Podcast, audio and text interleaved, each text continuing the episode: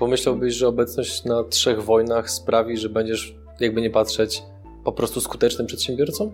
Dzisiaj jest dobry czas na to, żeby pomyśleć, w jaki sposób ja się mogę przygotować. Doświadczenia wojenne pokazują, że jak ludzie są wyłączeni z systemu, to potrafią bardzo szybko przejść, e, przekroczyć tą granicę, mm, nazwijmy to przyzwoitości. Jako operator sił specjalnych nie wyobrażam sobie sytuacji, żebym funkcjonował w zespole bojowym bez wsparcia swoich kolegów. I tak też jest w życiu. Proces selekcyjny do gromu jest tak precyzyjny, że na 100 osób przechodzą dwie, trzy osoby, proces selekcyjny, to wyobraź sobie, jak gęste jest sito, prawda? Jeżeli chcesz być na bieżąco z naszymi materiałami, zasubskrybuj kanał i kliknij dzwoneczek. Partnerem odcinka jest rocketjobs.pl, portal pracy przyszłości, gdzie znajdziesz nowych członków Twojego zespołu. Mercaton Asi, inwestycje z pozytywnym wpływem. SoFinanse, eksperci w dziedzinie finansów.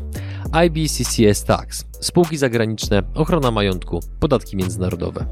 Linki do partnerów znajdziecie w opisie filmu. Dzień dobry drodzy widzowie, Adrian Gorzycki, Przygody Przedsiębiorców. Witamy Was z Krakowa, gdzie tym razem naszym gościem jest Mariusz Krawiec. Dzień dobry. Dzień dobry Państwu. Jest on byłym operatorem sił specjalnych w jednostce wojskowej GROM i obecnie już od 7 lat działa w biznesie deweloperskim, gdzie wraz ze wspólnikami zbudowali kilkadziesiąt nieruchomości. Słuchaj, na samym początku, żeby w ogóle widzowie właśnie poznali Cię nieco bardziej, my już się trochę znamy, bo już porozmawialiśmy raz, drugi, trzeci przez telefon. Jak to się stało, że człowiek o Twoich kompetencjach, Twoim doświadczeniu nagle znajduje się w branży deweloperskiej, a nie być może w branży bardzo pokrewnej, związanej również z wojskiem? Pomysłów było wiele. Jak to wiesz, e, tak osoby, które są w siłach specjalnych, to są osoby bardzo płodne i kreatywne i mm, możliwości po po tym czasie spędzonym w siłach specjalnych mamy sporo. Natomiast doszedłem do wniosku raz wraz z moimi wspólnikami, że warto zagospodarować tę kompetencję, która u nas jest najmocniejsza, bo jako oficerowie wojsk, wojsk specjalnych mieliśmy e, bardzo dużo e, takich doświadczeń związanych z planowaniem, z przygotowaniem operacji, czy też e, kwestiami organizacyjnymi. Byłeś więc, 11 lat w siłach specjalnych. Byłem 11 lat w Gromie, zgadza się. E, więc na tej kanwie doszliśmy do wniosku, że możemy pójść w kierunek taktyczny czy też ogniowy, bo to jest naturalna kolejność rzeczy i, fajnie, bo, bo ludzie z doświadczeniem dzielą się tym na rynku cywilnym. Natomiast też nie chcieliśmy wchodzić w tą samą niszę, w którą jest e, duża grupa moich kolegów, więc doszliśmy do wniosku, że spróbujemy sił w, w, w branży deweloperskiej no i okazało się, że to był bardzo dobry wybór, bo kompetencje związane z, planowaniem, z zarządzaniem projektami, to jest coś, co faktycznie wykorzystujemy na co dzień teraz w biznesie i to nam się fajnie wpisuje. Pomyślałbyś, że obecność na trzech wojnach sprawi, że będziesz, jakby nie patrzeć, po prostu skutecznym przedsiębiorcą? Nie, no to jest taka rzecz, która no, wyszła przypadkowo, wręcz bym tak powiedział. E, natomiast fakt jest taki, że no, dużo tych kompetencji, które mamy właśnie jako oficerowie, jako żołnierze sił specjalnych, wykorzystujemy w biznesie teraz. Mhm. I, I, to jest coś, czym też się dzielimy, bo, bo staramy się pokazywać też środowisku cywilnemu, że można skorzystać z pewnych doświadczeń naszych. No i, i jakby e, wszystko w ten sposób e, udaje nam się układać. Zanim przejdziemy do głównej części tego nagrania, jaką jest przygotowanie się do potencjalnej wojny, konfliktu zbrojnego, tym bardziej, że łączysz w sobie unikalne cechy zarówno mm, żołnierza oraz przedsiębiorcy, to jeszcze powiedz proszę naszym widzom, tak żeby im to troszeczkę przybliżyć, jakimi projektami obecnie się zajmujecie w ramach Twojej działalności biznesowej? Zaczęliśmy niespełna 7 lat temu. E, to było oczywiście, rozwój był bardzo powolny, bo nie mieliśmy czasu, bo jeszcze wtedy byliśmy w służbie. Natomiast e, w pewnym momencie doszliśmy do wniosku, że jest ten moment, kiedy trzeba podjąć decyzję, męską decyzję i taką też podjęliśmy. No i wtedy rozkwit mieszkajlogiczny.pl no, przyspieszył, bo mamy za sobą cztery projekty deweloperskie, kilkadziesiąt nieruchomości wybudowanych i sprzedanych, kilkadziesiąt w budowie, a ponad 100 w przygotowaniu. Dodatkowo cztery projekty będziemy odpalać lada dzień. To jest coś, czym dzisiaj się zajmujemy i to jest taki nasz core business, codzienność, w której funkcjonujemy. Natomiast, żeby to wszystko mogło się udać, no to musieliśmy zbudować dobry zespół ludzi, którzy pomogą nam wspólnie to wszystko poukładać, bo e, w tak krótkim czasie, e, bez, bez doświadczenia biznesowego, mm, było to trudne, ale okazało się, że doświadczenie właśnie z poprzedniej służby bardzo fajnie się wpisało, bo wszystkie kwestie związane z procedurami, z planowaniem, zarządzaniem tym, co się wokół nas dzieje. Tym bardziej, że biznes deweloperski jest biznesem bardzo klasycznym, w sensie można tym zarządzać niezwinnie, ale tak typowo klasycznie, waterfallowo, więc to nam bardzo też pomogło, bo Planowanie operacji specjalnej to jest cała masa procesów po kolei, prawda? Mm, które składają się z poszczególnych elementów. W nomenklaturze wojskowej to się nazywa MDMP, czyli Military Decision Making Process. A w nomenklaturze cywilnej to się nazywa zarządzanie projektem według jakiejś tam metodologii. My akurat korzystamy z metodologii PMBOK.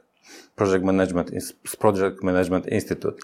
E, I okazało się, że bardzo dobrze możemy to przełożyć, no i jakby to się fajnie wpisuje w teraz w te tematy, więc udaje nam się to e, tym fajnie zarządzać. Ale nie udałoby się tego zrobić, gdyby nie wsparcie inwestorów zewnętrznych. No, nie ma co się oszukiwać, że na początku działalności brak kapitału jest największym chyba ograniczeniem. Udało nam się to rozwiązać, bo mamy ponad 10 milionów zainwestowanych w naszą grupę kapitałową. 23 inwestorów, którzy nam zaufali, za to dziękuję, mhm. E, z którymi współpracujemy z którymi budujemy przyszłość mieszkajlogicznie.pl. No i tu Ci przerwę, bo właśnie to jest takie pytanie, które miałem w głowie jadąc wczoraj do Katowic, dzisiaj do Krakowa, że muszę Cię to spytać.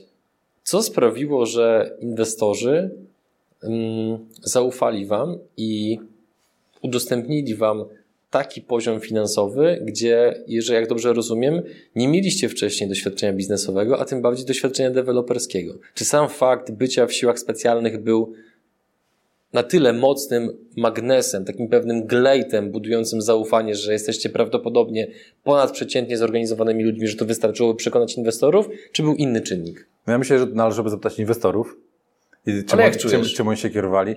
Z mojego punktu widzenia um, głęboko wierzę w to, że to, co robimy, to ma bardzo mocny fundament. Bo tak byliśmy szkoleni, tak byliśmy uczeni, że zanim dostaliśmy broń do ręki, musieliśmy przejść cały cykl szkoleń i cały cykl różnych treningów, żeby móc być skutecznym operatorem.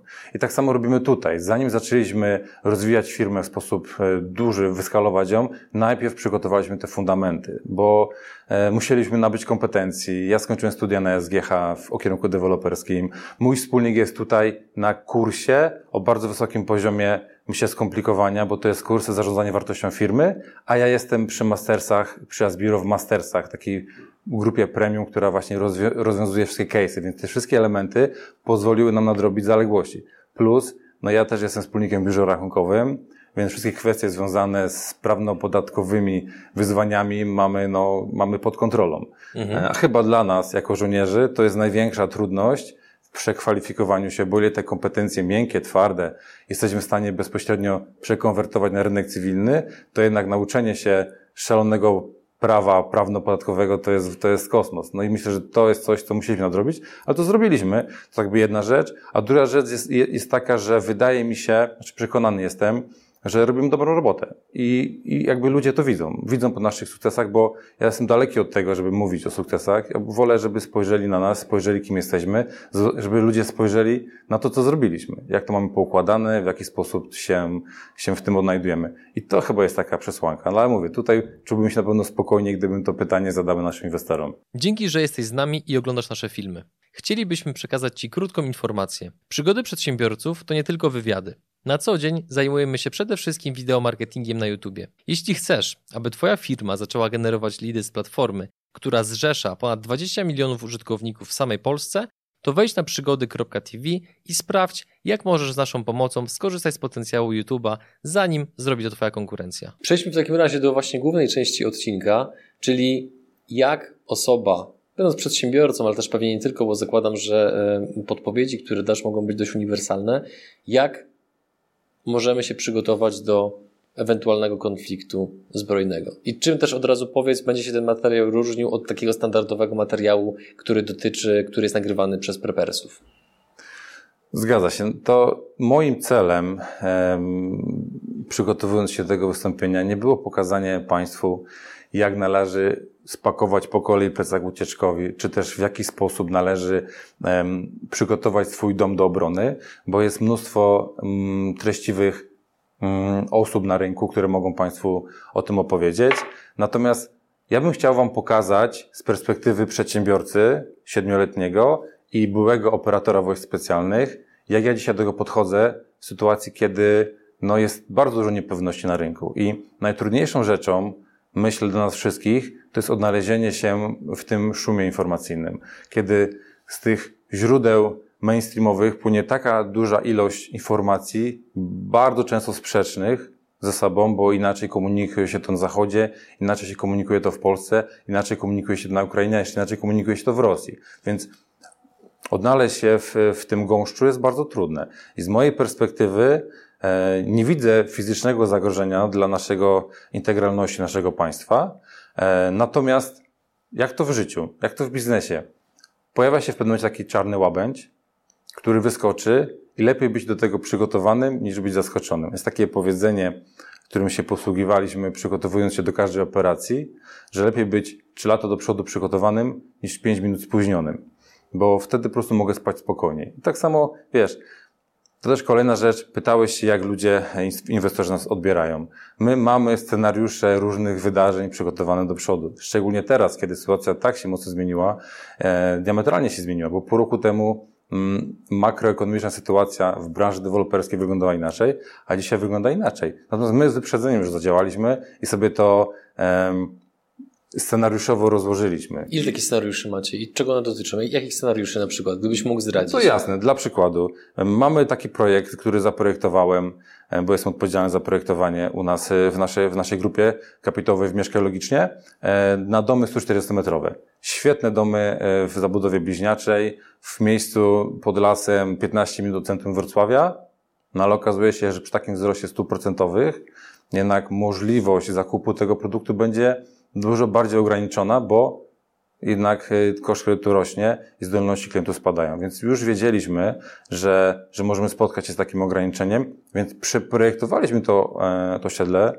ale przygotowaliśmy domy 83-metrowe, które będą dużo lepsze E, jeżeli chodzi o zdolności nabywcze klientów, ale również funkcjonalne. Wiadomo, nie zastąpi to funkcjonalności domu 140-metrowego, ale w 83 metrach to projekt kolejny, więc w sensie to nie jest projekt, który pierwszy raz zrobimy, bo już go zduplikowaliśmy z poprzednich inwestycji. Okazuje się, że można bardzo fajną funkcję ułożyć, a jest on zdecydowanie tańszy. Więc nie czekamy na rozwój sytuacji, tylko wychodzimy, wychodzimy do przodu. Natomiast odpowiadając na Twoje pytanie, jak się przygotować, ewentualnie jak spojrzeć na tę sytuację, to ja bym chciał, żeby Państwo mieli świadomość, że mm, ja podchodzę do tego w ten sposób.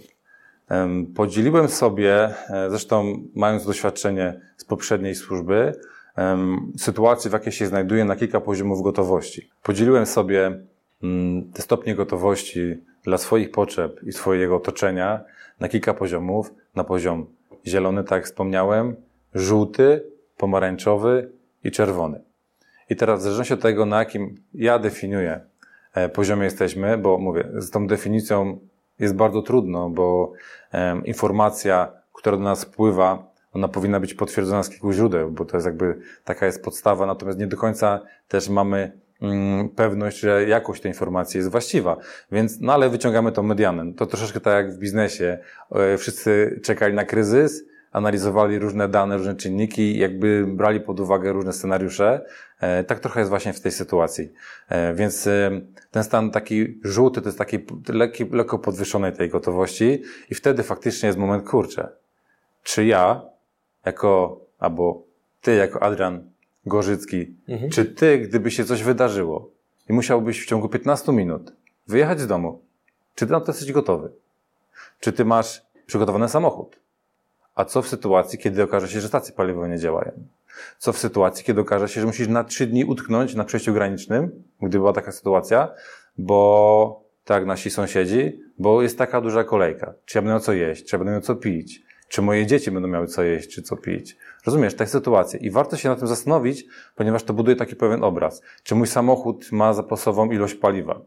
Czy jak złapię gumę, a w większości przypadków nie ma e, kół zapasowych w obecnych nowoczesnych samochodach, czy ja mam zestaw naprawczy? No bo bez sensu jest iść kolejne dziesiątki kilometrów tylko dlatego, że zapomniałem zestawu naprawczego. I te pytania, one pozwalają zbudować taki obraz. Czy na przykład, jeżeli będę tutaj w Krakowie, a wydarzy się coś takiego, że będę musiał faktycznie, czy moja rodzina jest do tego przygotowana? Rozumiesz? To jest taka cała, cały zestaw pytań, na które myślę, że warto sobie odpowiedzieć. E, I myślę, że mógłbym kilka takich wskazówek Państwu tutaj ewentualnie dać, jak faktycznie z perspektywy przedsiębiorcy, który ma doświadczenie w siłach specjalnych, jak faktycznie do tego podejść. Więc dzisiaj, będąc na tym poziomie żółtym, czekamy wszyscy, co się wydarzy. I to jest dla mnie ten moment, żeby się rozejrzeć za tym. Czy ja mam przygotowany plecak awaryjny? I ja nie mówię tutaj, oczywiście jest mnóstwo na rynku plecaków specjalistycznie przygotowanych, e, które są świetne, natomiast nie do końca jestem przekonany, czy musimy na to wydawać tyle pieniędzy. Nic nie stoi na przeszkodzie, żeby spakować sobie rzeczy takie dodatkowe, żeby sobie leżały w szafie, na przykład na górnej półce, czy też na strychu w domu, czy w mieszkaniu, e, z dodatkową odzieżą, z dodatkową ilością wody, z jakimś jedzeniem liofilizowanym, bo to można zakupić e, na rynku, z jakimś podstawowym zestawem higienicznym, bo będę go potrzebował, z jakąś apteczką i tak dalej, tak dalej. Tego jest cała masa. Nic nie stoi na przeszkodzie, żeby coś takiego przygotować. A żeby to zrobić, to warto to zrobić, nazwijmy to, w poziomie gotowości żółtym. Bo jak pojawi się poziom gotowości pomarańczowy, to wtedy wszyscy zaczną iść na stacje benzynowe, zaczną wykupywać makaron, ryż, i wszystkie te inne rzeczy, co, to co widzieliśmy, jak, jak pandemia e, się pojawiła, czy też początek Wojna. E, inwazji tak. na, na Ukrainę, bo ludzie mentalnie przeskoczyli na poziom pomarańczowy. Co prawda, w mojej ocenie nie było przesłanek ku temu, no ale wiadomo, jak to mówi Wałęsa, ludzie są ludzcy, więc reagują tak, jak reagują. Więc, więc wydaje mi się, że dzisiaj jest dobry czas na to, żeby pomyśleć, w jaki sposób ja się mogę przygotować. Jak mogę na to spojrzeć? Właśnie w kontekście tych pytań, które, które zadałem. Takie inne pytania, które, drodzy Państwo, mi się nasuwają, to jest to, że jeżeli faktycznie podjąłbym decyzję, że zostaję w domu, to pytanie jest takie, co w sytuacji, kiedy odetną mi prąd? Co w sytuacji, kiedy braknie wody? Odetną gaz? No bo system przestanie działać. Dzisiaj funkcjonujemy w systemie, w naszym e, społecznym. Na razie wszystko jest ok, no ale może być taka sytuacja, że z jakichś przyczyn od nas niezależnych zostanie to odcięte. I co w tej sytuacji?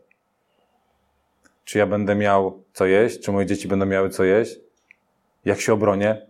W jaki sposób? Bo może być sytuacja taka, że tak się wszystko zapętli i zaogni, że jednak nie będę czuł się bezpieczny, bo nie będzie policji, nie będzie sił bezpieczeństwa, nie będzie służb bezpieczeństwa i okaże się, że jednak jestem bezbronny, bo ktoś, to ma, nie wiem, przeszłość przestępczą i mu będzie relatywnie łatwo przejść na tą ciemną stronę mocy, bo już nie będzie tych ograniczeń formalnych, którego trzymał do tej pory. Wtedy, czy ja mam umiejętności, żeby się obronić? Jest mnóstwo takich pytań. Natomiast, żeby nie padać w paranoję, bo nie o to mi chodzi, e, chciałbym po prostu pokazać, że jest troszkę takich elementów, które wydaje mi się, że warto byłoby, e, czy pytań, na które warto było sobie odpowiedzieć. Nie wiem, jak ty to widzisz? Czy mi to jak najbardziej pasuje, więc gdybyśmy mogli teraz przejść do konkretów gdybyś mógł właśnie te wszystkie obszary, o których mówiłeś i pewnie te, o których jeszcze nie wspomniałeś, pokryć jakimiś takimi podpowiedziami, co konkretnie można zrobić, to byłoby idealnie. Jasne. W pierwszej kolejności to bym spojrzał na siebie i spojrzałbym na to, jak ja jestem przygotowany. Czyli e, sprzętowo, to o czym powiedziałem, uważam, że powinniśmy mieć, powinniśmy mieć w domu bądź w mieszkaniu E, przygotowane takie podstawowe rzeczy. Natomiast zachęcam do tego, żeby tutaj się nie zbroić na miesiące, tylko przygotować się na tydzień, 10 dni, nazwijmy takiego wyłączenia z takiego codziennego funkcjonowania, bo to jest taki czas, w którym ja już będę na tyle świadomy tego, co się wokół mnie dzieje, że będę mógł podjąć inne działania. Więc powinienem zabezpieczyć się tutaj, jeżeli chodzi o żywność. To jest najłatwiejsza rzecz, bo jak myślisz, ile e, jesteśmy w stanie bez jedzenia wytrzymać? Na pewno znacznie dłużej niż bez wody. Bez wody 3 dni, bez jedzenia możemy spokojnie 30 dni. Funkcjonować bądź na bardzo małym ilości, e, e, na, mały, na bardzo małej ilości kalorycznej pożywienia. Ja teraz byłem, taka mała dygresja e, w, w Ameryce Południowej, mm, wspinałem się na Konkałę, na siedmiotysięcznik i przez 14 dni żywiłem się liofilami, czyli taką żywnością liofilizowaną. Taką wysuszoną bardzo. Taką wysuszoną, bo ona jest lekka, przygotowana specy, specjalistycznie pod, pod tego typu aktywność. I ją też y, polecam do tego, żeby ją faktycznie przechowywać e, i ewentualnie mieć w pewnej ilości w zapasie. Natomiast ona mi dostarczała dziennie 1800-1500 kalorii. gdzie się spinałem po 6-16 godzin dziennie i funkcjonowałem nie było z tym najmniejszego problemu i jakby udało się, znaczy udało się. Weszliśmy na ten siedmiotysięcznik, więc każdy zwykły człowiek, będąc w sytuacji deprywacji, jemu wystarczy, żeby przetrwać ten 1000-1200 kalorii spokojnie. Więc zachęcam do tego, żeby taką mniej więcej ilość sobie przygotować, licząc na ilość członków rodziny, czy też, uwaga, wziąć pod uwagę, że być może ktoś, jeżeli mieszkam, tak jak ja, na obrzeżach miasta, mam dom z, na obrzeżach lasu, z dostępem do świeżej wody, to spodziewam się, że część moich bliskich znajdzie się u mnie w sytuacji oczywiście czysto teoretycznej. No i będę musiał wtedy też mieć świadomości, że też muszę pomyśleć o moich bliskich, którzy mogą się ze mną chcieć mm, razem przebywać, no ponieważ no, raz, że ja mam kompetencje, dwa, że mam tak dom przygotowany, że będzie mi po prostu łatwiej. A więc przygotowanie domu, przygotowanie mieszkania, przygotowanie takich podstawowych rzeczy, no to jest rzecz, o której powinniśmy pamiętać. E, zachęcam też mocno do tego, żeby mm, spojrzeć na to, czy jeżeli mieszkam w mieście, które będzie prawdopodobnie e, najbardziej zagrożone w sytuacji takiej deprywacji, w sytuacji, nazwijmy to, konfliktu zbrojnego, szczególnie jeżeli, jeżeli mieszkam w mieście, nie wiem, przy Cytadeli w Warszawie, to czy ja mam w swoim otoczeniu możliwość wyjechania z tego miasta po to, żeby się e, no tutaj nie wystawiać na niepotrzebne zagrożenie. Mm, formalnie nazywamy to strategiczną relokacją. Ja nie mówię tutaj o tym, żeby wyjechać z kraju, tylko mówię o tym, że być może warto wtedy z miasta wyjechać na wieś, wyjechać na jakieś miejsce, w którym będę czuł się swobodniej, miejsce, które mam zawczasu przemyślane i przygotowane. Widziałeś zapewne, jak wybucha pandemia, jak wielu um, Paryżan wyjeżdżało e, na obrzeża swojego miasta do swoich, do swoich willi na brzeg miasta, ponieważ tam się łatwiej funkcjonuje, bo Paryż, wiadomo, czy też duże skupiska miast, one są naturalnie zagrożone i one naturalnie są o podwyższonym poziomie ryzyka, więc wydaje mi się, że jednym z pierwszych takich rzeczy, które ja bym zrobił, mieszkając w mieście, gdyby to weszło, uważaj, na poziom pomarańczowy, to wtedy bym wyjechał na obrzeża miasta i tam bym czekał na dalszy rozwój sytuacji, oczywiście przygotowując się. I teraz, jeżeli chodzi o przygotowanie. Wspomniałeś o prepersach i robią naprawdę kawał świetnej roboty. Są takie osoby, które mają przygotowane wszystko, mają przygotowane zbiorniki wody na pół roku do przodu, mają przygotowane swoje własne uprawy i tak dalej. Natomiast to są osoby, które tym żyją na co dzień. Ja nie podejrzewam, że ktokolwiek z nas będzie na, na takim poziomie przygotowanym z kilku powodów. Raz, że nie mamy to czasu, bo jesteśmy przedsiębiorcami, więc e, musimy optymalizować ten czas i to, co robimy, maksymalnie wykorzystać zasoby, jakimi dysponujemy. Dwa, że chyba nie mamy, nie mamy takiej, e, takiej tendencji do takich zachowań. Trzecia sprawa jest taka, że to w pewien sposób jest niebezpieczne. Z tego względu, że jeżeli ja bym wiedział, oczywiście dla przykładu, hipotetycznie, że w mojej okolicy jest jakiś preppers, który ma antybiotyki, który będę potrzebował, bo moje dziecko będzie chore, który ma dodatkowe, ma, e, ma jedzenie, którym będę mógł nakarmić swoje dzieci, bo przymierają głodem, to myślisz, co ja zrobię? To ja przyjdę za półkami i poproszę, żeby się podzielił. A on powie, prawdopodobnie, że nie żem dla własnych potrzeb. Ale ja po drugiej stronie będę miał sytuację taką, że moje dziecko będzie w sytuacji krytycznej. To co ja zrobię? To przyjdę mu to zabiorę. No bo to jest sytuacja ekstremalna. Bo jest sytuacja ekstremalna, bo będę walczył o przetrwanie i doświadczenia wojenne pokazują, że jak ludzie są wyłączeni z systemu, to potrafią bardzo szybko przejść, e, przekroczyć tą granicę, mm, nazwijmy to przyzwoitości i takiej ludzkiej. Oczywiście ja nie mówię, że wszyscy, bo będzie cała masa ludzi, która będzie sobie nawzajem pomagać. I to też trzeba mieć świadomość, ale może być taka sytuacja, że, że trafią się osoby, które mają jednak ten profil psychologiczny troszeczkę inny niż większość społeczeństwa i może okazać się, że to jest pewne ryzyko. Stąd też to, o czym wspomniałem, że warto mieć też świadomość, czy potrafi się obronić. Czy mam broń u siebie w domu? Jeżeli nie, to może warto zastanowić się i ją pozyskać. Zresztą uważam, że nasycenie ilością e, jednostek mm, broni w Polsce jest zdecydowanie za małe, bo patrząc na inne kraje Europy, no, mamy tu na pewno bardzo dużo nadrobienia i mam nadzieję, że nasi, nasz rząd weźmie to pod uwagę i zwróci czy zmieni też ustrój, czy też umowy, ustawy na tyle, żeby Polacy mogli w bardziej swobodny sposób tej broni sięgnąć, bo uważam, że głównym naszą siłą to będzie um, możliwość obrony własnego terytorium, natomiast żeby się bronić, musimy mieć dostęp do broni i przede wszystkim musimy umieć ją, jej używać, bo patrząc na to, co się dzieje na Ukrainie, ludzie dostali broń, ale nie wcześniej jej używali. Ich skuteczność jest bardzo mała. Jeżeli nie przygotujemy, nie przygotujemy społeczeństwa do, do, do takiej sytuacji, no to, to myślę, że nie będzie zbyt kolorowo. To taka dygresja. Nie wiem, czy, nie wiem, czy, nie wiem, czy ważne, ale myślę, że warto o tym wspomnieć. Mam teraz do Ciebie pytanie, bo nawet dwa. Pierwsze jest takie, że e, słyszałem o tym, że mimo wszystko prawo dotyczące pozwolenia na broń w Polsce, ono jest i tak dużo bardziej przyjazne niż w większości krajów na świecie, z tym, że narracja społeczna, która jest utrzymywana od wielu lat jest taka, że to jest bardzo trudne, skomplikowane, co między innymi powoduje, że wiele osób nie wie o tym, że broń w Polsce jest podobno zdobyć nawet łatwiej niż prawo jazdy. To już słyszałem od kilku osób. W tym od mojego kolegi, który ma u siebie w domu 20 sztuk broni, co widziałem na, na własne oczy, wygląda to fenomenalnie. I to jest pierwsza, pierwszy wątek, a drugi wątek, zupełnie inny, który, od osoby, która jest wręcz przeciwnikiem posiadania, posiadania broni w domu, gdyż ona uważa, że w przypadku konfliktu zbrojnego, jeżeli miałbyś w domu broń, to będziesz jednym z pierwszych, którzy będą powołani do wojska. Jeżeli, to może odpowiem od tego, od końca. Proszę. E, jeżeli miałbyś być powołany do wojska, to nie dlatego, że masz broń.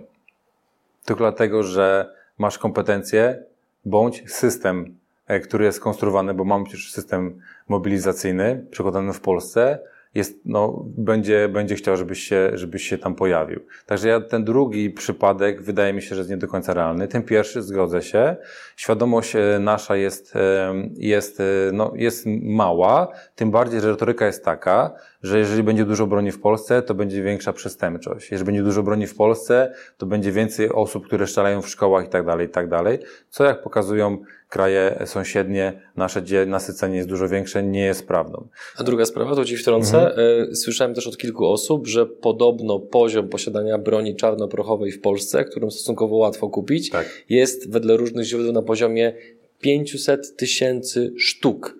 I tyle broni jest rozdysponowane w społeczeństwie, gdzie ta broń potrafi zrobić ogromne zniszczenie, no i nie widać, jednak, żeby ludzie napadali na kantory, no tak, no banki no dlatego, czy jubilerów. Dlatego ty mówię, bardziej myślę tutaj, bo to jest to, to jest prawda, że do tego trzeba społeczeństwo przygotować. My dopiero dojrzewamy do tego, żeby móc mieć taką ilość, czy, czy takie podejście do broni. Natomiast jest to wątek poboczny, bo myślę, że jest. moglibyśmy o tym gadać godzinami. Niemniej jednak trzeba tu wskazać, że można pozyskać broń kolekcjonerską, która jest relatywnie najłatwiejszym sposobem pozyskania broni, bo mamy możliwość pozyskania broni e, osobistej, broni sportowej, czy też kolekcjonerskiej, czy też czarnoprochowej. I ta, kole, ta kolekcjonerska jest tutaj chyba najlepszym wyjściem, która e, może być potrzebna, może, może być przydatna właśnie w sytuacji, kiedy życie powie sprawdzam. Kiedy okaże się, że jednak będę jej potrzebował, to lepiej mieć ją u siebie w sejfie w domu, niż jej nie mieć. To jest taka moja sugestia. Ale wracając do dalszego przygotowania, tak drodzy Państwo, tak jak powiedziałem o tych prepersach, czy osobach, które są przygotowane, super, świetnie. Natomiast oprócz przygotowania takiego czysto sprzętowego, trzeba mieć świadomość, że przygotowanie merytoryczne i mentalne to jest kolejna rzecz, bo w każdej chwili ja mogę to, mój zasób, który mam w domu, mogę go stracić może mi się on skończyć, może być tak, że faktycznie przyjdzie mi to zabierze i wtedy trochę jak w biznesie. Jak mam kompetencje jako przedsiębiorca i podwinie mi się noga i zbankrutuję, to jeżeli mam te kompetencje, to bardzo prawdopodobne, że za chwilę postawię kolejny biznes jeszcze na większą skalę, jeszcze z większym sukcesem, bo mam doświadczenie i wiem, jak to zrobić. I tak samo tutaj. Jeżeli jestem przygotowany, mam kompetencje, wiem, jak się do tego przygotować, wiem, jak reagować w sytuacji stresowej, jak, jak reagować w sytuacji zagrożenia, to będzie mi dużo łatwiej, nawet jak to stracę, bo będę wiedział, gdzie znaleźć wodę, jak ją pozyskać, będę wiedział, w jaki sposób znaleźć e, żywność, będę wiedział, w jaki sposób e, funkcjonuje system e, wymiany towarów w sytuacji, kiedy mamy, kiedy nie ma systemu w Polsce tego, nazwijmy to, czy w danym kraju społecznego, bo, bo to są rzeczy, które no, jesteśmy uczeni. Kiedy będę wiedział, jak się przemieszczać, kiedy będę wiedział, co zrobić, jak mi się zepsuje samochód, a ja muszę iść na nogach z moją rodziną.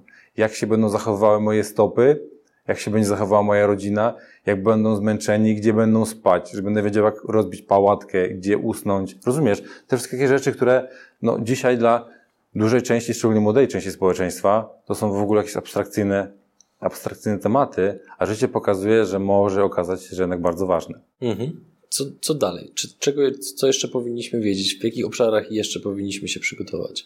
Kolejna rzecz, którą bym chciałbym tutaj jakby wskazać, bo należałoby zadać sobie pytanie, czy moja rodzina jest przygotowana? No bo załóżmy, że ja jako Mariusz Krawiec jestem przygotowany do, do, do tej sytuacji, ale czy moja rodzina jest przygotowana? Jeżeli moja 17-letnia córka wjedzie do miejscowości sąsiedniej e, i nagle coś się wydarzy, czy ja będę w stanie z nią się połączyć? Jeżeli nie telefonicznie, to w jaki sposób? Czy ona będzie wiedziała, jak się zachować? Czy ona ma przygotowane rzeczy? Bo może być taka sytuacja, że ja wezmę dużą część sprzętu na siebie, ale z jakichś przyczyn się rozdzielimy. Może okazać się, że dzisiaj jestem tutaj, a za chwilę moja rodzina jest już w innym miejscu. Więc te wszystkie rzeczy to jest, to jest temat, który warto poruszyć. Natomiast tu zwracam uwagę, ponieważ ładunek emocjonalny mm, tej treści, on bardzo trudny może być do, do zniesienia dla kobiet, dla dzieci i trzeba zrobić to w taki mądry sposób. Sugestia moja jest taka, żeby nie wchodzić w szczegóły, nie budować otoczki faktycznie mocno stresogennej sytuacji, tylko porozmawiać, zapytać, powiedzieć, że jest taka sytuacja e, wokół nas i może warto byłoby się nad tym zastanowić, tak? Więc przygotowanie siebie w kontekście sprzętowym czy też mentalnym to jest jedna rzecz, przygotowanie swojego, swoich najbliższych to jest druga rzecz i ostatnia, wiesz Adrian, ja bardzo wierzę w pracę zespołową. Zresztą jako operator sił specjalnych nie wyobrażam sobie sytuacji, żebym funkcjonował w zespole bojowym bez wsparcia swoich kolegów. I tak też jest w życiu. Ja mam świadomość, że jest cała grupa przedsiębiorców, którzy wolą prowadzić biznes samemu. Ja to rozumiem, rozumiem ich powody, rozmawiam z nimi i tak dalej. Natomiast ja bardzo mocno wierzę w synergię. I dlatego też zbudowałem biznes z trzema przyjaciół, z dwoma przyjaciółmi, jesteśmy w trójkę.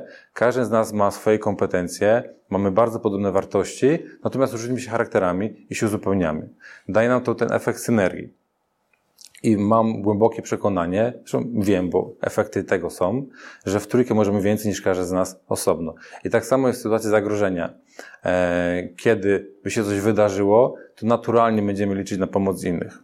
Dopóki będzie, będą oni w stanie nam pomóc, no to myślę, że będą, będą szczególnie, jeżeli wcześniej wypracuję sobie dobre relacje z nimi. Mam na myśli sąsiadów, mam, tam na, mam to na myśli przyjaciół, do których być może e, będę mógł e, pojechać Fantastyczna rzecz, mój przyjaciel i wspólnik Wojtek zbudował taką relację z kolegą, który służył w Legii Cudzoziemskiej, który teraz mieszka na Korsyce, że w pierwszym momencie, kiedy 24 nastąpiła no, ta haniebna inwazja e, Rosji na Ukrainę, e, zadzwonił do niego i powiedział, Wojtek, ja wiem, że ty zostaniesz, bo będziesz bronił kraju, ale gdybyś chciał, żeby twoja rodzina była bezpieczna, to u mnie na Korsyce jest miejsce. Ja się nimi zaopiekuję. I to jest właśnie to, do czego zachęcam, to jest to, co wypracowuje się latami, tak? Żeby mieć takie miejsce, takich ludzi, którzy właśnie w tej trudnej sytuacji e, potrafią nas wesprzeć. I pytanie teraz, czy ja takich ludzi wokół siebie mam? Mhm. Więc w kwestii przygotowania można by mówić godzinami, naprawdę, ale to też nie chodzi o to, żeby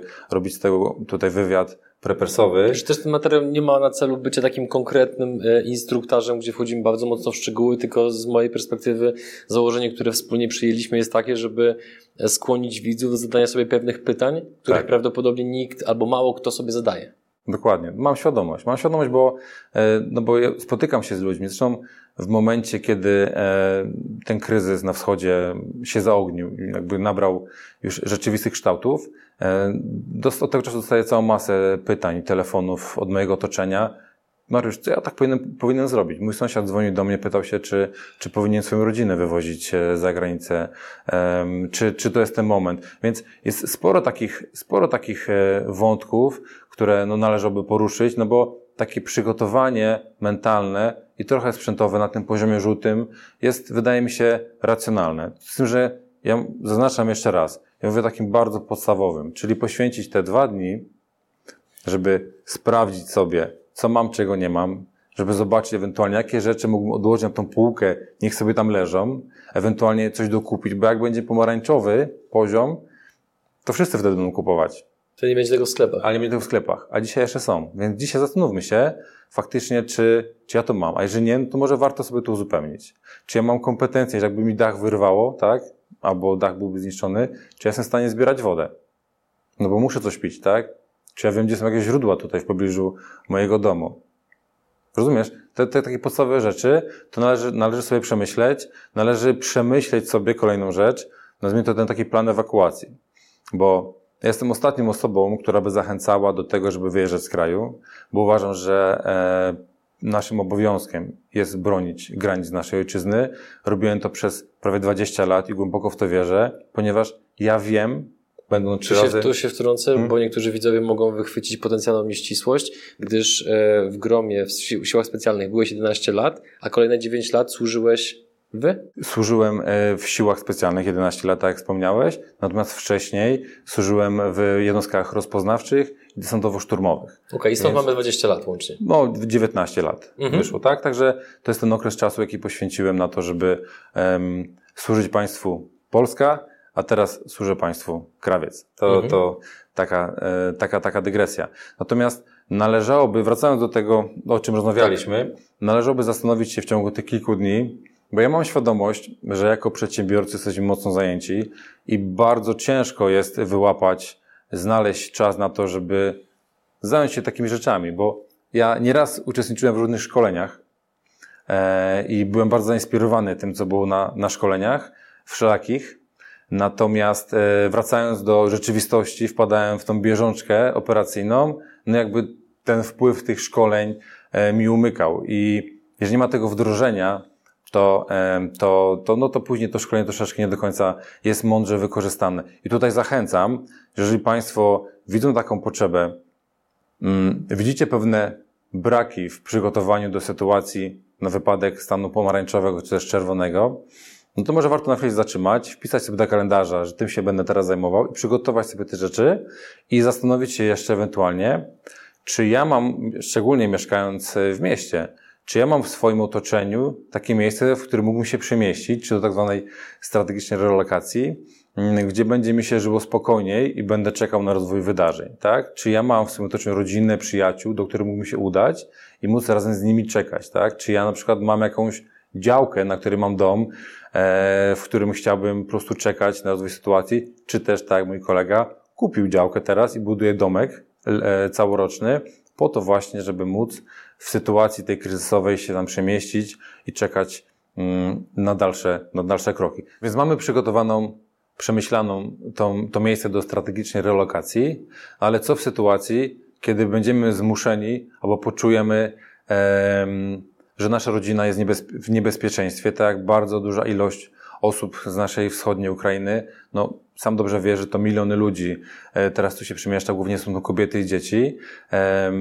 I też warto było przemyśleć, w którą stronę ewentualnie się udam i do jakiego miejsca, żeby te osoby nie zostały zostawione na hali w przemysłowej w, w, z tysiącoma innymi osób, e, czy też e, w jakimś innym miejscu zorganizowanym przez służby danego kraju, e, ale żeby mogły udać się w takie miejsce, w którym będą się czuły komfortowo i będą czuły się bezpiecznie, tak? Więc są takie rzeczy i dzisiaj, będąc w tym poziomie żółtym, z tendencją do pomarańczowego, e, bym pojechał w te miejsca i bym sobie jeszcze raz je sprawdził. Sprawdzimy sobie trasę dojazdu. Czyli jeżeli ja będę chciał pojechać główną arterią, zakładam, że wszyscy będą pomyślą w ten sam sposób, więc może warto przemyśleć sobie jakąś drogę alternatywną. Może trochę dłuższą, ale bezpieczniejszą, tak? Bo będzie łatwiej, będzie, będzie, będą mniejsze korki, czy też ruch będzie mniej skanalizowany. Być może warto rozeznać sobie po drodze jakieś miejsca, gdzie mógłbym dotankować samochód w sposób niestandardowy, bo tak się robi. Oczywiście, mówię. Co znaczy sposób niestandardowy? To znaczy, że na przykład mam u kumpla w garażu dodatkowe zbiorniki czy też karnice z paliwem, bo będę obok niego przejeżdżał. Ja mówię, że I to kumpel jest w trasie tej, tej, tej okay. Kumpel jest, mhm. jest, jest, jest moim wsparciem, bo, bo wie, on w podobnej sytuacji może być, także możemy razem połączyć siły, się przemieszczać, bo dużo łatwiej się funkcjonuje w grupie, bo ja już o tym wspominałem, bo statystyki mówią w ten sposób, że jeżeli na przykład chciałbym sam bronić swojego domu, to mam około 30% szansy na przeżycie. Bo ja muszę spać, ja muszę jeść, ja muszę odpoczywać, rozumiesz, tak? No nie jestem w stanie cały czas pilnować domu. Natomiast jeżeli ktoś mi pomoże, moja rodzina, najbliżsi, no to mi wzrastają statystycznie do 60, 50, 60% mojej możliwości przetrwania. Ale jeżeli mam zorganizowany mikrosystem wokół swojego domu, mam sąsiadów, wiesz, nawzajem się wspieramy. Taki bastion trochę. Taki trochę bastion. Jeden z moich sąsiadów y, zna się na medycynie, tak? Drugi z moich sąsiadów jest mechanikiem. Trzeci z moich sąsiadów potrafi elaborować amunicję na przykład, tak? Ktoś jeszcze inny zna się na uprawach, a ktoś jeszcze inny potrafi zwierzynę patroszyć i oprawiać, tak? Więc bo to są takie kompetencje, które będą potrzebne umiejętności. Więc jeżeli sobie to wcześniej przemyślę, zorganizuję, to to moje zdolności, możliwości przetrwania rosną e, logarytmicznie. Także to też warto, warto sobie wziąć to pod uwagę system masz opracowany? mam wokół siebie, to, jest, to dla mnie to jest naturalne. To znaczy, siłą rzeczy, będąc w tym poziomie em, e, zielonym, jakby to siłą, siłą rzeczy w głowie jest, tak? Z moimi przyjaciółmi, wspólnikami, jak rozmawiam, no to, to już wiemy, że jak będzie taka, taka sytuacja, to oni się przemieszczają tam i tam, ale docelowo w sytuacji, mówię, znowu scenariuszowej, bo każdy będzie chciał zatroszczyć się o swoich najbliższych, to mogą być u mnie, bo u mnie są warunki komfortowe do tego, bo wiemy jak to zrobić, a mam wokół rodzinę, moja rodzina ma poszczególne kompetencje, które już mam tam zdiagnozowane, nawet śmiałem się ostatnio do sąsiada, że będę u niego w piwnicy, e, bo ma dwa wyjścia awaryjne i stół bilardowy, tak? E, I przemyślane i ma bardzo dużą ilość jedzenia. Więc jakby to, to oczywiście w formie żartu, ale, ale, ale faktycznie, ale faktycznie gdzieś, gdzieś ten temat jest poruszony, no bo to się może wydawać kuriozalne. Jeszcze pół roku temu, gdzie? Miesiąc temu byśmy pewnie o tym w ogóle nie rozmawiali. Ale przychodzi taki moment w życiu, kiedy faktycznie to życie powie sprawdzam. I ja naprawdę wolę być do tego przygotowanym, niż być zaskoczonym. Czyli te lepiej być przygotowanym o 3 lata za szybko niż o 5 minut za późno. To, co mówiłeś na samym początku naszej rozmowy. Tak. Tak, głęboko w to wierzę. Też nie jestem jakąś o, taką osobą, która była przygotowana permanentnie, bo nie jesteśmy w stanie utrzymywać się na poziomie, nie wiem, pomarańczowym, czerwonym cały czas. Bo psychicznie i fizycznie jest to nie, nie, do, nie do wytrzymania, ale myślę, że takie przygotowanie mentalne, przygotowanie sprzętowe daje dużo spokoju. Mhm. Bo wtedy wiem, że to tak w biznesie. Jeżeli wydarzy się taka, taka sytuacja, to reaguję w taki, w taki sposób. Jeżeli wydarzy mi się taka, taka sytuacja, to w taki, taki sposób. E, my tak do tego podchodzimy. Wynieśli mi to z wojska, bo pytałeś się, co, co Mhm. możemy. I to jest dla nas naturalne, bo, no bo sytuacja jest bardzo zmienna i tak chyba jedyną stałą w biznesie to jest co? Zmiana. No to cały czas ewoluuje, a elastyka w siłach specjalnych, no umiejętność dostosowania się do przeciwnika, no to jest rzecz naturalna. I teraz wydaje mi się, że wszyscy w siłach specjalnych mamy taką, zresztą proces selekcyjny do gromu jest tak precyzyjny, że na 100 osób przechodzą dwie, trzy osoby, proces selekcyjny, to wyobraź sobie, jak gęste jest sito, prawda? Natomiast tam trafiają osoby o specyficznym sposobie podejścia do, do rzeczywistości, takim, że są skuteczne, kiedy sytuacja e, potrafi być, e, no, która, która nas zaskakuje. I wydaje mi się, że bardzo duża grupa przedsiębiorców, którzy odnoszą sukcesy, w bardzo podobny sposób myślą, bo, bo tak życie wygląda, tak? Więc mamy te wszystkie wątki, mimo wszystko jednak tutaj w całość nam się, nam się składają. Pozwól na dygresję. Mam pytanie. Powiedziałeś przed chwilą, że przebywanie mentalnie cały czas w strefie pomarańczowej albo czerwonej na dłuższą metę jest generalnie bardzo trudne, być może dla niektórych nawet niemożliwe. Natomiast czego cię nauczyło, bądź w jaki sposób ty sobie radziłeś z tym, że, e, tak jak powiedziałeś, byłeś na trzech wojnach? Tam jest kolor czerwony. Tak. Praktycznie cały czas. Więc jak się zachowuje psychika człowieka w takim momencie i czego to cię nauczyło, jeżeli czegokolwiek? No, myślę, że nauczył mnie przede wszystkim odporności na stres, bo jesteśmy tylko ludźmi i wszyscy mamy jakieś granice. Myślę, że tylko psychopaci się nie, nie stresują, bądź nie mają trudniejszych chwil, także każdy z nas miał te słabsze i, i, i trudniejsze chwile. Czy takie osoby trafiają do, do, do wojska, do sił specjalnych? Są No wśród... właśnie to chciałem o tym powiedzieć, że w- największy odsiew, e, jeżeli mogę tak powiedzieć kolokwialnie, ale najwięcej osób odpada w trakcie selekcji do sił specjalnych właśnie na badaniach psychologicznych, bo dobierane są takie osoby, które są indywidualistami, które potrafią pracować w grupie. Są mocnymi charakterami, które potrafią pracować w grupie. Nie ma, naprawdę nie ma nic lepszego niż pracować z wilkami alfa, samcami alfa, bo wiesz, że w sytuacji trudnej możesz na nich liczyć, bo oni się nie wycofają. Em, Natomiast mamy, myślę, taki profil psychologiczny, że przebywanie w tej strefie pomarańczowej czy też czerwonej mówię, to jest jakby moja ta nomenklatura, także Jasne. to nie jest, nie jest nic systemowego, przynajmniej nic o tym nie wiem. E, Dla nas jest e, dużo łatwiejsze do zniesienia niż dla większości osób z naszego otoczenia. E, I przebywanie, dlatego tam mm, można przebywać, taka przynajmniej jest strategia funkcjonowania czy też rozkładania sił, że nie przebywamy tam latami, tylko jest jakiś okres czasu, w którym jesteśmy na terenie. To też zależy od, e, od specyfiki danej jednostki, ale byliśmy jako żołnierze sił specjalnych od 4 do 12 miesięcy na terytorium e, mm, tych konfliktów zbrojnych. W których wojnach brałeś udział? Wiesz co, ja byłem trzy razy w Afganistanie. Tam miałem, e, tam miałem okazję funkcjonować, e, no ale to jest, nie wchodźmy w szczegóły. Oczywiście. E, Natomiast e, na pewno potrzebny jest e, taki jednak wentyl od tego i mm, z chłopakami zawsze twierdziliśmy, że we work hard, but we play hard. To znaczy, że ciężko pracujemy na 120%, ale jak jest czas, kiedy można zrzucić z głowy, to faktycznie bawimy się i odpoczywamy też w pełni, bo ta umiejętność odpoczynku też jest bardzo ważna. To znowu wracam do biznesu. Nie da się pracować po 20 godzin w pełnym stresie cały czas, bo w pewnym momencie człowiek się przekręci. I tak samo jest, i tak samo jest e, w wojskach, w siłach specjalnych. Też można funkcjonować bardzo długo na pewnym poziomie, ale jakiś taki moment zejścia musi być, odpoczynku i znowu wracamy do gry. I to jest naturalne. Czy obserwować naszych kolegów e, z jednostki Delta Force, czy też z innych jednostek, e, z S- SAS e, brytyjskimi, czy też na przykład z siłami specjalnymi, nie wiem, francuskimi, czy też niemieckimi. Wszyscy funkcjonują w ten sam sposób, że pracujemy ciężko, ale jest taki moment wytchnienia i znowu wracamy do gry. Więc tak to, tak to wygląda w rzeczywistości. Tym sposobem dotarliśmy do końca tego odcinka, ale nie stawiamy kropki, tylko stawiamy przecinek. Drodzy widzowie, słuchacze, pytanie do Was. Jeżeli ten materiał Wam się podobał i chcielibyście, żebyśmy nagrali kolejny materiał z Mariuszem, który tym razem prawdopodobnie byłby w formie live'a, gdzie moglibyście zadawać również pytania, być może telefonicznie, co jest właśnie w tej chwili dogrywane z naszej strony pod kątem technicznym, to dajcie znać koniecznie w komentarzu e, pod tym filmem, jeżeli liczba takich odpowiedzi będzie wystarczająco duża. Ile? Nie mam pojęcia, im więcej, tym lepiej, to taki materiał po prostu powstanie, gdzie wtedy z Mariuszem prawdopodobnie porozmawiamy znacznie dłużej, szerzej o wszystkich wątkach, które Was po prostu interesują.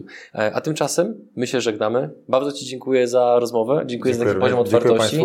E, Miałem okazję poznać e, różne osoby generalnie ze świata, nazwijmy to wojskowości, ale nie wszyscy, jakby to powiedzieć, z jednej strony mieli chęć podzielenia się pewnymi obserwacjami, pewnym doświadczeniem, niektórych też pewnie stresowało wystąpienie przed kamerą, co jest w ogóle ciekawą obserwacją, no bo jednak przerabialiście w życiu sytuacje tysiąc razy bardziej stresowe niż, niż kamera, ale to tylko taka dygresja. Więc ja ze swojej strony bardzo dziękuję za e, całą mapę myśli, którą przygotowałeś, za całą strukturę odcinka, za rozmowę i prawdopodobnie widzimy się niedługo.